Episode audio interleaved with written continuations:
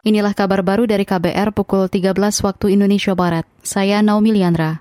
Indonesia perlu meningkatkan kemandirian gula, sebab jumlah impor gula terus naik berdasarkan data Badan Pusat Statistik BPS. Pada 2022, impor mencapai 6 juta ton atau naik sekitar 600 ribu ton dibanding tahun sebelumnya. Sedangkan tahun ini sudah menyentuh 3,5 juta ton. Impor terbesar didatangkan dari Thailand. Berikut keterangan pelaksana tugas Kepala BPS Amalia Adininggar Widyasanti. Ini ada beberapa hal yang bisa kita dorong, terutama kapasitas produksi tebu dan gula nasional yang harus terus kita bisa kembangkan supaya bisa mengimbangi kebutuhan gula nasional. Nah, selain itu juga mungkin kalau kami boleh memberikan saran, kiranya juga ada yang waktu itu pernah kami dorong adalah gerakan hidup sehat, Bapak, di mana ini kan salah satu gerakan hidup sehat adalah mengurangi konsumsi gula.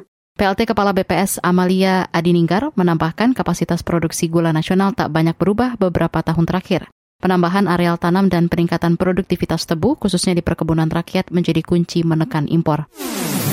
Kabar Pemilu Kabar Pemilu Wali Kota Solo Gibran Raka Buming Raka enggan mengomentari langkah politik adiknya Kaisang Pangarep yang memilih menjadi kader Partai Solidaritas Indonesia PSI. Laporan selengkapnya bersama kontributor KBR Yuda Satriawan. Keluarga Presiden Jokowi enggan menanggapi perbedaan politik antara Presiden, putra sulung dan menantu yang berada di jalur PDI Perjuangan, sedangkan putra bungsu di jalur beda partai politik yakni Partai Solidaritas Indonesia atau PSI. Putra sulung Presiden Jokowi Gibran Rakabuming menegaskan urusan adiknya di PSI bukan ranahnya untuk berkomentar. Gibran mengatakan dirinya tetap kader PDI Perjuangan.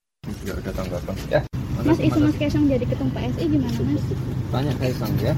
Putra bungsu Presiden Jokowi Kaisang Pangarep resmi masuk keanggotaan Partai Solidaritas Indonesia atau PSI. Kartu tanda anggota PSI diserahkan langsung Dewan Pengurus Pusat PSI di kediaman pribadi Presiden Jokowi di Sumber Banjarsari Solo akhir pekan kemarin. KTA PSI tertera nama Kaisang Pangarep dengan nomor anggota berkode S. Dari Solo, Jawa Tengah, Yuda Satirawan, KBR. Sementara itu pengamat politik dari Universitas Al-Azhar Indonesia, Ujang Komarudin, Berpandangan bergabungnya Kaisang ke PSI menjadi sinyal dukungan untuk Prabowo Subianto. Apalagi belakangan PSI kerap hadir di acara-acara koalisi Prabowo. Di sisi lain, menurut Ujang, langkah politik putra bungsu Jokowi ini bisa menjadi senjata makan tuan bagi PDI Perjuangan. Sebab tidak ada ketegasan dalam menegakkan aturan partai yang melarang satu keluarga kader berbeda pilihan parpol. Padahal ya kita tahu lah itu permainan argumentasi. Mestinya kan satu keluarga satu partai yang mesti dipecat Jokowi kalau kaisangnya ke PSI kan begitu. Seperti Gubernur Maluku Utara itu. Istrinya masuk partai lain kalau nggak salah ke PAN kan langsung dipecat. Jadi di PDIP juga standar ganda ketika menghadapi Jokowi. PDIP kebingungan. Jadi dalam dilema begitu. Kalau punya kaisang ke PSI ya itu ya hak apanya kaisang, hak keluarga Jokowi. Bisa jadi bahwa keluarga Jokowi termasuk Jokowi dan kaisang tidak nyaman di PDIP sehingga ya gabungnya PSI. Itu tadi pengamat politik Ujang Komarudin. Sebelumnya, Kaisang mengaku memiliki kesamaan pandangan dengan PSI terkait keterlibatan anak muda dalam sektor publik.